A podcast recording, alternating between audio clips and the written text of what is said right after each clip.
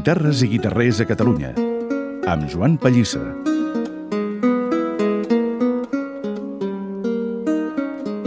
Joan Pallissa, bon dia i bona hora. Bones. Amb el Joan cada mes fem un repàs al que ha estat la història de les guitarres i els guitarrers al nostre país i avui no et fixes ni en guitarres però sí en guitarrers entès com a constructor, sinònim de constructor d'instruments. Et fixes en un altre tipus d'instrument o d'instruments que també són de corda. Exactament. Les, eh, com hem dit eh, d'altres vegades, un guitarrer era qui feia instruments de corda, no qui feia exclusivament guitarres. I hi ha dos instruments de corda molt, molt, molt importants, en molta presència, arreu, però al nostre país també, que són les arpes i els llauts, i estem parlant dels segles XVII i XVIII. Per quin vols començar? Per les arpes o pels llauts? Començarem per les arpes. Les arpes, el, el 17, sobretot, i eh, també el 18, per descomptat eren diferents de les arpes que, que coneixem avui en dia, que són d'origen romàntic. El tipus d'arpa que més se feia servir o, o que més en boga està en aquella època és la que anomenem arpa doble. És a dir, que té dos jocs de cordes una mica separats l'un de l'altre, surten de la mateixa consola que va la caixa, que eh, vindrien a ser l'equivalent a les tecles blanques i negres d'un piano. Un pla de cordes fer notes naturals, l'altre notes alterades. Una arpa cromàtica seria. Exactament, exactament.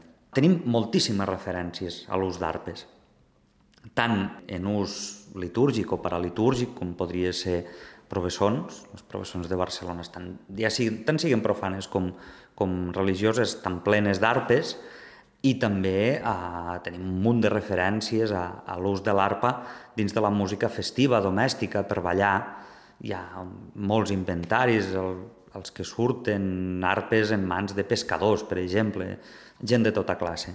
Parlaves de processons, per tant, entenc que era un instrument que es podia moure. Penjadet en una cinta, sí. Sí, sí. Encara a Llatinoamèrica, si mireu pel YouTube, podeu veure molts vídeos de gent caminant tocant una arpa. Per tant, estem parlant d'un tipus d'arpa no molt pesada, no? No, són, són instruments molt, molt lleugers, com, com la majoria d'instruments de corda anteriors al 19, eh, són molt, molt lleugers. Se busca fer servir el, mm, el mínim de fusta possible per aconseguir ressonàncies el més grans possible. Per tant, Catalunya, que sempre hem dit que ha estat terra de guitarres, podríem dir que també ha estat terra d'arpes? Catalunya ha estat terra de moltíssimes coses. D'arpes també, però no tant com guitarres.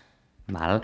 Per exemple, una mostra d'això és que tot i tindre mil referències, moltíssimes referències a l'ús dels instruments, només coneixem una sola arpa firmada a Catalunya, que és una arpa que va construir el guitarrer Pere Elies a Barcelona l'any 1704. Recordo aquest instrument perquè una de les persones que ha passat pel programa, l'arpista Manuel Viles, en parlava meravelles d'aquesta arpa. És, és un instrument preciós, és un instrument preciós. Està molt ben fet, tant quan a disseny com a instrument, com pel que fa a treball de fusta. Molt sobri, un instrument de músic, no de ric. Ens trobam moltes vegades que en els instruments antics, si són molt macos i molt decorats, estan més pensats per a una persona rica que no pas per a un músic. Llavors, doncs, esta arpa en concret és una arpa molt, molt sòbria.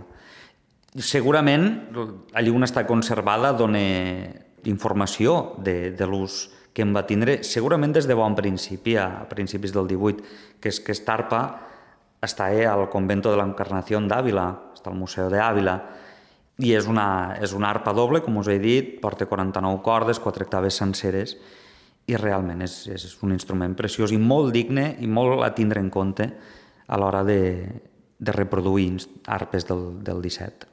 Bé, deixem de moment les arpes i ens fixem en els llauts, que són instruments a priori bastant diferents. Bueno, són diferents, però són de fusta i sonen en cordes. Per tant, formen part de, dels instruments fets pels agremiats al gremi de fustes. Llaüt, ah, si pensem en llaüt, ràpid mos ve al cap la típica imatge del trobador o de la música barroca, del continu, etc. I en realitat hi ha també moltíssimes referències, sigui escrites o sigui iconogràfiques, dels llaüts a nivell ibèric i sobretot també a Catalunya. però no hi ha més que dos, tres referències musicals. Se conserva molt, molt poca música escrita per a llauts. Això per un costat. I per altre costat, no es conserva cap llaut feta ni a Catalunya ni a la península ibèrica. I això, carai, és, és realment porta a pensar coses i, i és, és un, una de les grans incògnites que hi ha hagut dins de la història de, de l'instrumentari de corda ibèric. Això vol dir que venien de fora. Això vol dir que possiblement venien de fora.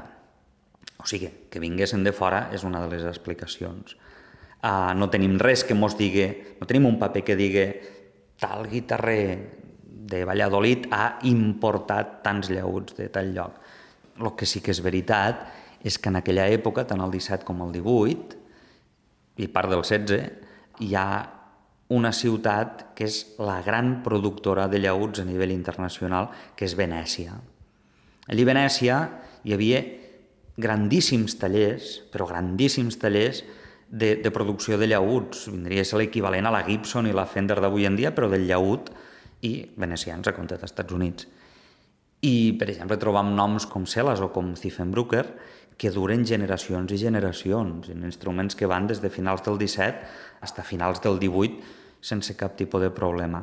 Instruments que exportaven a tot el continent. Tota Europa tenia llauts venecians. Exactament, Europa el que no és Europa, perquè, perquè tenim referències d'instruments a les missions a, a l'Extrem Orient o, o també a, a Amèrica. Què passa? Que, que si miram els inventaris dels guitarrers d'aquí, ens trobam que hi, ha, que hi ha guitarrers que tenen llauts, però la única referència coneguda d'un guitarrer ibèric, més o menys ibèric, dins d'un llaut, és una etiqueta a una tiorba feta per Tommaso Spilma a Venècia, que és una etiqueta manuscrita a la que diu Giuseppe Baroni Romano, fecit a Barcelona l'any 1710. Esta etiqueta no vol dir que la tiorba estés feta per, per Baroni, hi ha l'etiqueta del constructor, que és Tommaso Spilma, sinó que segurament és una etiqueta d'una reparació. I feta per Giuseppe Baroni, un, un italià que devia estar resident temporalment a Barcelona, perquè no apareix este nom a cap document del gremi d'aquella època. De fet, eh, llauts d'origen o ús ibèric d'esta època en realitat només n'hi coneixem tres.